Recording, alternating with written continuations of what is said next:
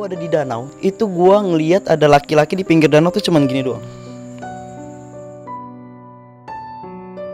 Arwahnya si perempuan yang kecelakaan itu, itu ada di ambulan gue. Suara keranda itu bukan suara kerandanya goyang atau gimana, kebanting. Suara keranda itu kebanting kayak gini, bluk.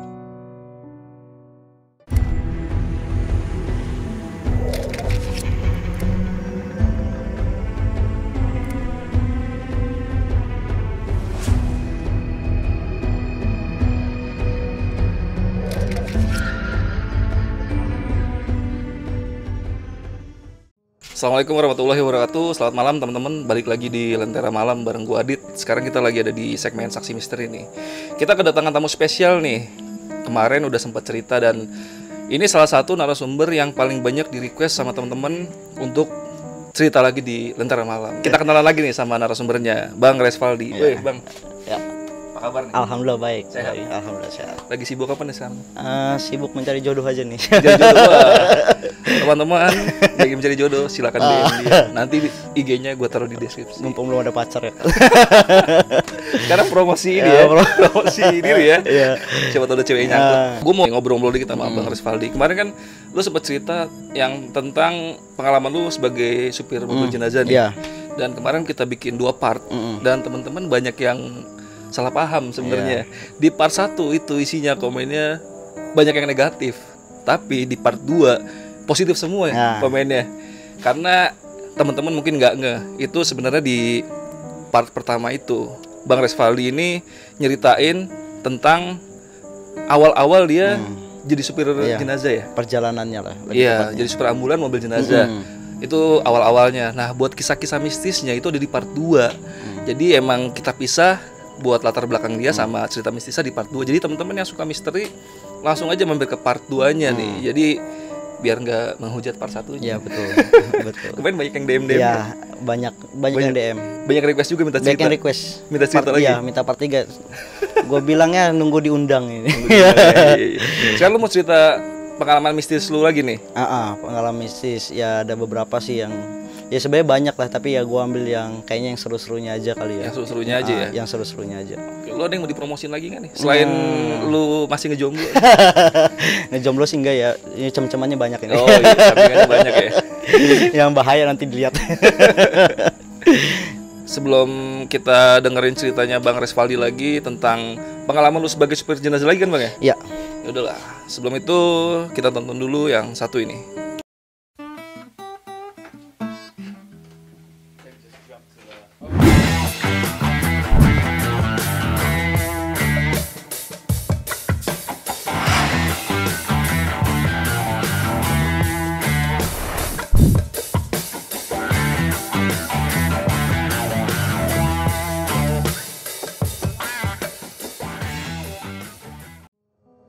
Jadi gua ada kisah gua ngelanjutin part yang sebelumnya aja ya bang ya. Jadi sebenarnya banyak kisah-kisah mistis gue selama di mobil jenazah itu hampir lima tahun itu udah pasti banyak lah gitu kan. Jadi yang gua mau ceritain sih di sini sebenarnya ada tiga doang bang. Ya yang pertama cerita tentang jenazah yang pertama kali gua bawa. Itu jenazah yang meninggal karena overdosis obat-obatan. Yang kedua itu pengalaman gua membawa jenazah yang korban tabrak lari, seorang perempuan tabrak lari yang ketiga membawa jenazah keluar pulau ke Lampung. Itu nanti gue ceritain dari awal lagi ya dari awal. Jadi yang pertama itu gue bawa jenazah. Yang pertama kali yang gue bawa itu adalah anak muda yang meninggal karena overdosis. Singkat cerita gue gue lagi tidur di masjid lagi tidur di masjid. Itu 10 menit lagi mau azan. 10 menit lagi mau azan asar ada orang datang ketok-ketok assalamualaikum ke kantor sekretariat. Ngomong mas eh, saya mau pakai ambulan gitu kan. Oh iya pak buat kapan? Buat sekarang juga buat hari ini juga. Itu secara nggak sengaja makanya gue bisa bawa mobil tuh ambulan gitu kan. Gue jadi gua karena gua kaget gue juga baru bangun tidur gitu kan. Gue telepon si supirnya yang mantan supir sebelumnya itu Nah, gua telepon itu dia nggak nyambung, terus gua telepon ketua rukun kematiannya juga nggak diangkat-angkat gitu loh. Dan sedangkan dia mau makamin tuh habis asar, dan dia ke mana-mana sudah nggak ada ambulan. Jadi gua nggak beraniin diri buat gua yang bawa. Nah, sepanjang perjalanan gua dari masjid gua itu mau ke rumahnya yang meninggal itu gua itu nanya sama si bapak ini gua pikir bapak ini kan kayak pengurus RT-nya buat yang ngurusin ternyata si bapak ini adalah orang tuanya sendiri dia ngomong kalau misalkan sih si anaknya meninggal karena sakit. Pas gua nyampe di rumah duka jenazah dimasukin ke keranda gua terus dibawa ke musola buat disolatin. Nah gua tau lah dengar ceritanya kalau dia ini meninggal karena overdosis obat-obatan terlarang lah. Gua nggak tahu itu jenisnya apa gua ngerti. Dia meninggal karena obat-obatan terlarang. Dia overdosis di rumahnya meninggal. Gua ngerasa apa ya namanya pertama kali bawa jenazah mungkin feeling gua kayak campur aduk lah gitu kan perasaan gue tuh campur aduk. Gua mikir seneng juga iya bisa bawa jenazah tapi gue juga takutnya juga iya gitu loh karena pertama kali gue bawa jenazah gitu kan. Dan gue sempet kayak down aja gitu karena gue nggak percaya diri buat bawa jenazah sampai gue nelpon temen gue buat gantiin gue tapi temen gue nggak ada yang mau ngerespon. Udah biar aja lu bawa biar lu ada pengalaman gitu kan kata temen-temen gangan gue dua orang yang gue telepon nggak mau. Akhirnya singkat cerita gue bawa jenazah itu si bapak ini duduk di depan itu sama satu tetangganya salah satu tetangganya yang ngurusin pemakamannya dia mau nunjukin pemakamannya itu. Dia waktu itu mau dikuburin di TPU Budi Dharma. Nah si bapak ini akhirnya keceplosan lah ngomong. Nah, dia bilang ya saya sedih. Ini anak pertama saya anak yang saya harap harapin gitu kan namanya itu pengennya yang sukses lah ataupun apa ya kan? Ya karena pergaulan jadi kayak gini gitu kan. Ya terus dia nepok paha gue sambil ngingetin jangan kayak gitu mas kalau masih muda ya kan? Sayang sayang umur katanya ngomong gitu kan. Nah di situlah gue kayak ngerasa oh dalam banget ya kayak orang masih muda anak pertama gitu ya kan meninggal dalam keadaan ya yang nggak diharapin lah nggak baik gitu kan. Umurnya berapa sih? kalau nggak salah 23 saat waktu meninggal itu 23 sampai di pemakaman itu agak jauh ya dari pinggir jalan tuh agak ke belakang banget jauh gitu kan. Dan itu jalannya agak becek. Hujan soalnya waktu itu jalannya agak becek. Gua keluarin tuh jenazah bareng-bareng gua ada di posisi kepala bagian kepala. Nah ini ini sebenarnya cerita lanjutan dari part sebelumnya yang gua cerita tentang gua nemu tali pocong di mobil ambulan gua mobil jenazah gua. Inilah yang gue bilang ini pertama kalinya gua nemu itu yaitu di pertama kalinya di jenazah yang gue bawa gua bawa itu jenazah seperti umumnya lah gitu gua bawa jenazah taruh jenazahnya di keranda taruh di samping kuburan ya kan? Udah dibuka itu bersih. Nggak ada apa-apa ya bersih. Dan gue juga nggak ada kayak firasat aneh-aneh gitu nggak ada firasat aneh-aneh sama sekali. Eh, jenazah udah turun ke makam gua bawa keranda. Biasa gue pasti nunggu di mobil ambulan. Pasti gitu gua langsung di ambulan. Gua pas pulang dari situ tuh rasaan gue itu kayak apa ya Padahal ambulan tuh nggak kotor-kotor banget. Itu gua posisinya nyampe di masjid itu maghrib. Tapi gua nggak ada perasaan apa-apa, cuman kepengen ngelihat itu dalam ambulan itu loh. Pengen banget ngerapin atau ngebersihin gitu loh. Padahal itu ambulan bersih, kagak ada apa-apa gitu kan, bersih, nggak kena tanah gitu kan, nggak kena apa-apa.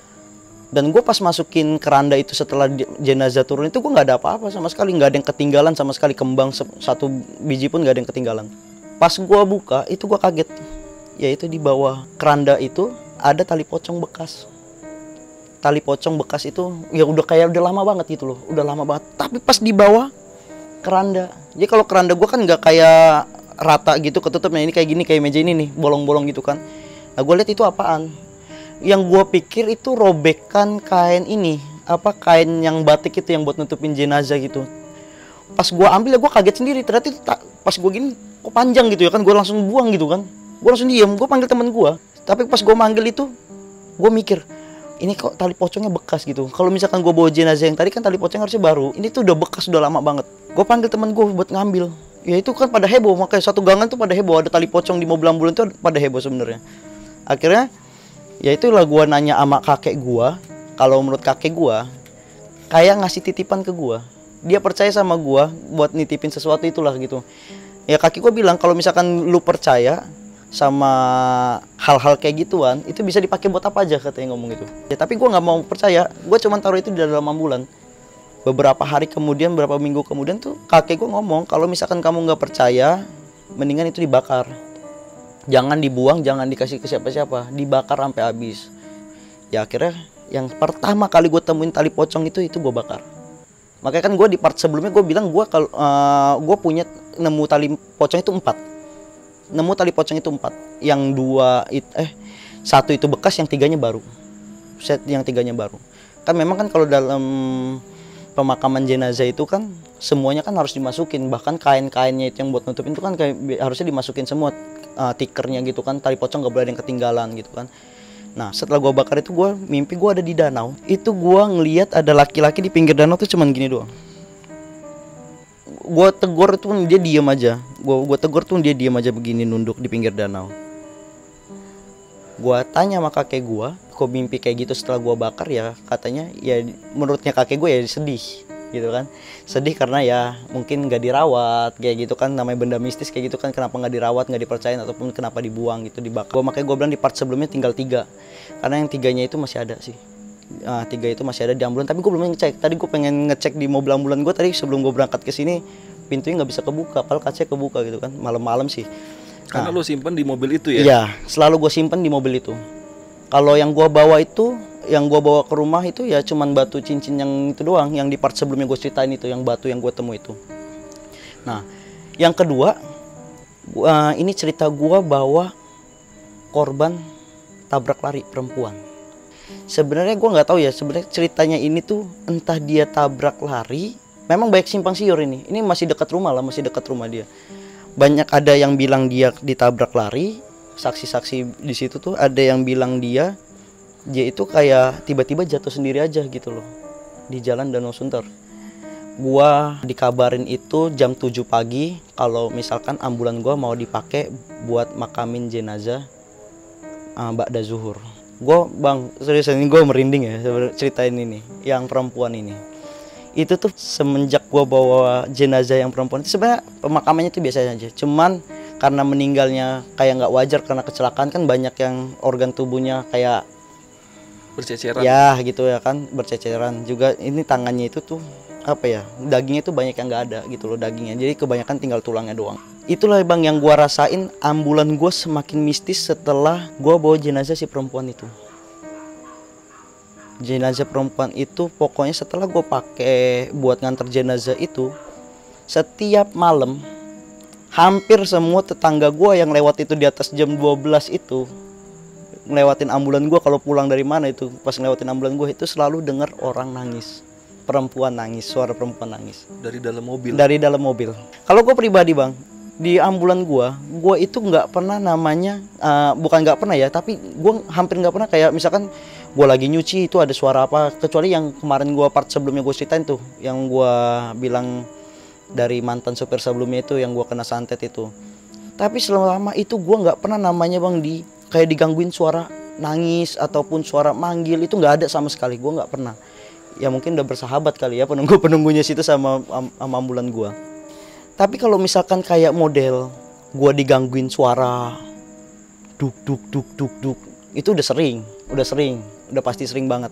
Eh, kayak keranda goyang itu udah sering. Jadi perlu diingat nih bang ambulan gua kalau misalkan dia mau bawa dia mau kepake ada jenazah apa dia mau bawa jenazah itu selalu ngasih tanda selalu ngasih kode. Biasanya kalau misalkan gue cuci dia pasti ba- bawa bang. Tapi kalau nggak gue cuci cuci itu yang paling sering itu suara suara itu. Jadi suara ini kan itu dalam ambulan gue itu papan bang. Rata itu papan semua papan. Jadi kalau itu tuh suara kayak duk duk duk duk duk duk gitu. Dan depan masjid gue itu lingkungan rame gitu loh. Jadi kalau misalkan mereka dengar suara kayak gitu tuh udah tahu. Udah tahu. Dia itu pas- pasti bakalan bawa. Nah, pokoknya ambulan gua setelah bawa si perempuan itu katanya memang arwahnya si perempuan yang kecelakaan itu itu ada di ambulan gua. Tapi dia nggak pernah kayaknya ga- gangguin gue secara langsung sih nggak pernah ya. Kayak nah, cuman nangis itu yang denger tuh cuma tetangga-tetangga gua doang. Lu sendiri nggak pernah? Nggak pernah gua denger di ambulan gua itu bang. Kadang-kadang gua habis nyuci aja gua masih suka tidur di dalamnya. Nggak ada rasa takut sama sekali. Gua nggak ada rasa takut sama sekali. Tidur di dalamnya gua tuh masa bodoh nggak pernah gue digangguin tapi kalau tetangga gue lewat kadang-kadang ada yang nangis gitu kan ada yang manggil itu sering kayak gitu nah udah setelah kayak gitu gue bilang eh, karena gue sering nanya kan jadi itu sempet heboh. Kok ambulannya tuh sekarang suka ada yang nangis? Dan orang-orang tetangga situ tuh pada keberatan ambulan gue taruh di situ gitu loh. Ya terus gue bingung gue juga mau taruh mana? Depan rumah gue aja orang rumah gue nggak ada yang mau gitu ya kan gitu. Nggak ada yang mau gue orang rumah gue nggak ada yang mau.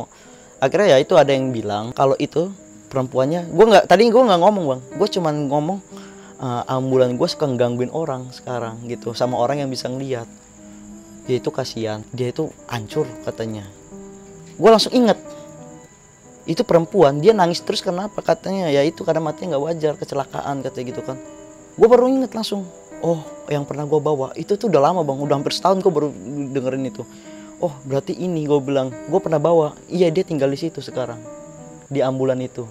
Justru satu uh, istilah kata yang senior lah istilah kata senior ya ambulan itu ya si perempuan itu yang katanya orang yang bisa ngeliat ya termasuk saudara gue sendiri yang bisa ngeliat itu dia ngomong yang nungguin itu tuh perempuan Nah ini yang cerita ketiga, ini kisah mistis gue bawa jenazah.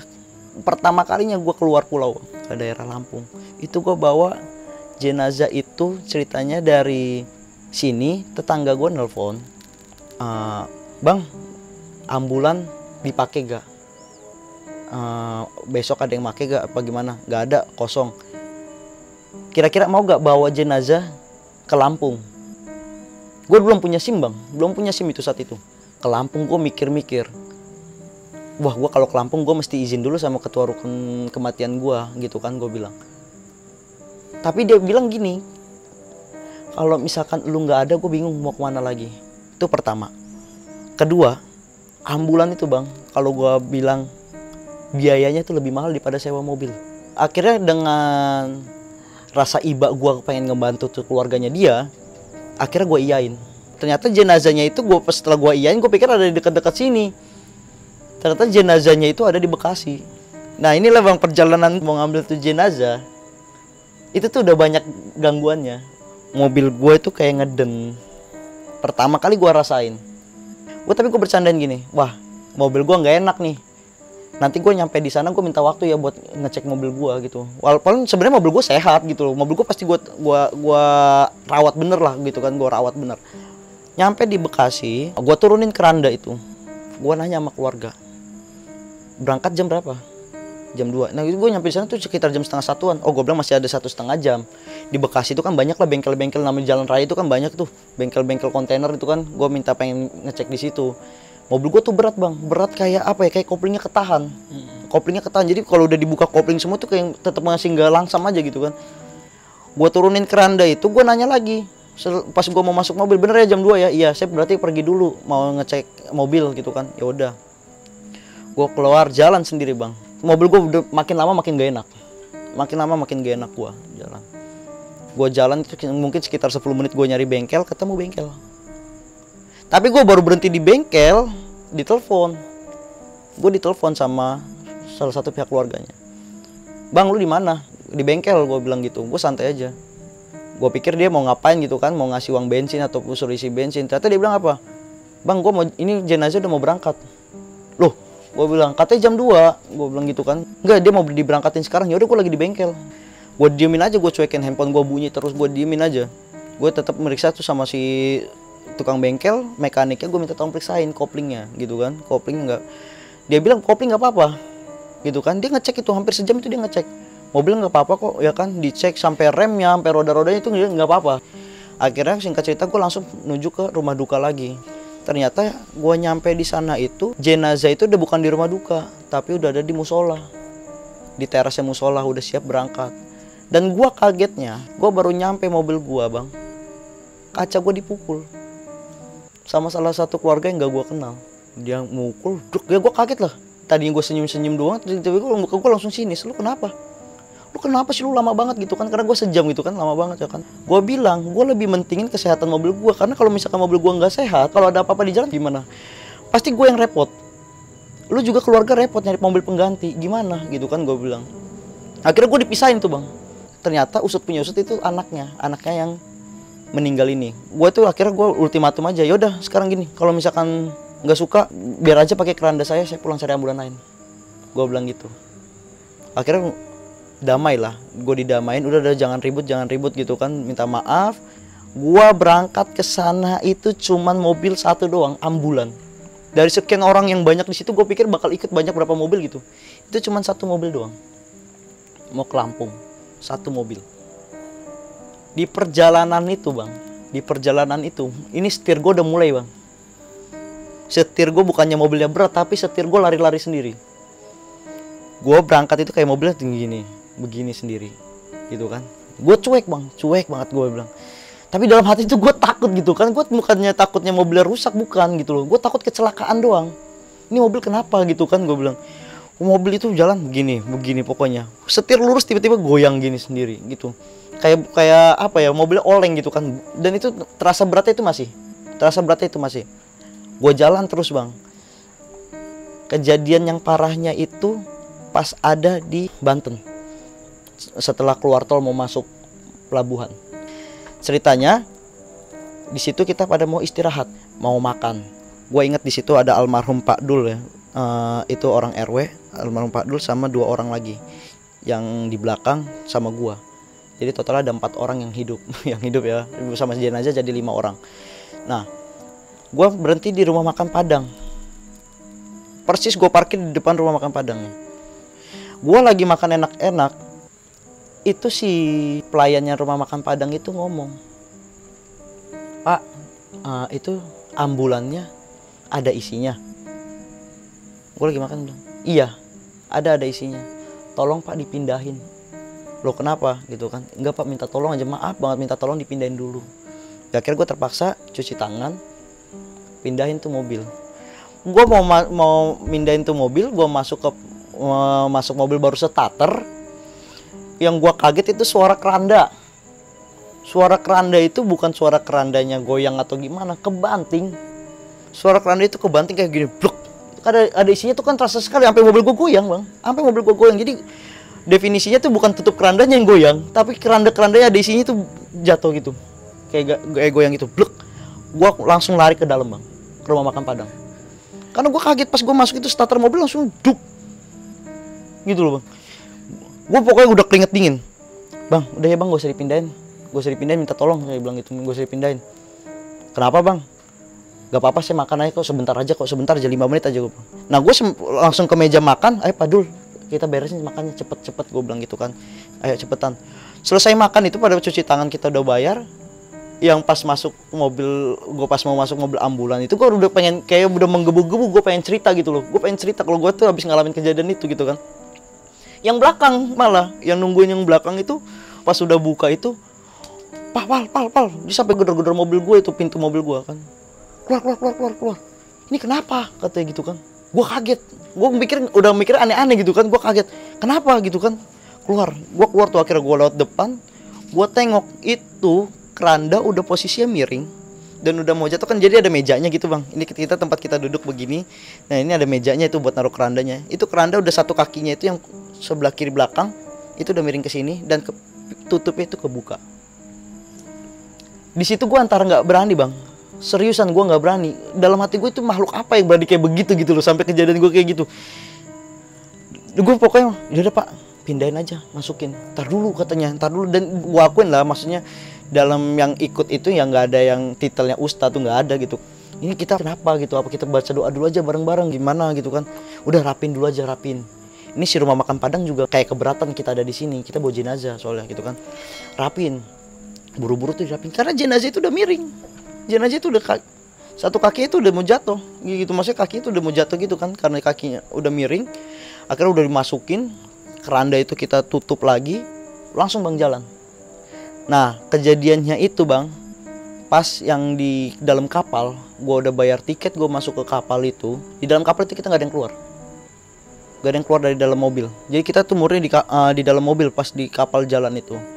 Dan kita di situ ngaji bareng sama Pak Dul itu yang mimpin Pak Dul itu. Ya nah, Pak Dul juga bukan titelnya bukan ustadz jadi kita doanya seadanya aja gitu loh. Dan gue doa juga pribadi misalnya gue minta tolong ada dilancarin gitu kan. Gue selalu bang kalau misalkan gue bawa jenazah bang setiap gue bawa jenazah gue selalu bilang dalam hati gue itu gue nganterin elu gue berusaha supaya cepat juga dan aman gitu kan gak ada hambatan. Gue minta tolong gue juga kepengen pulang gitu kan dengan selamat gitu keluar di Lampung itu Lampung dulu bang gelap sekali bang.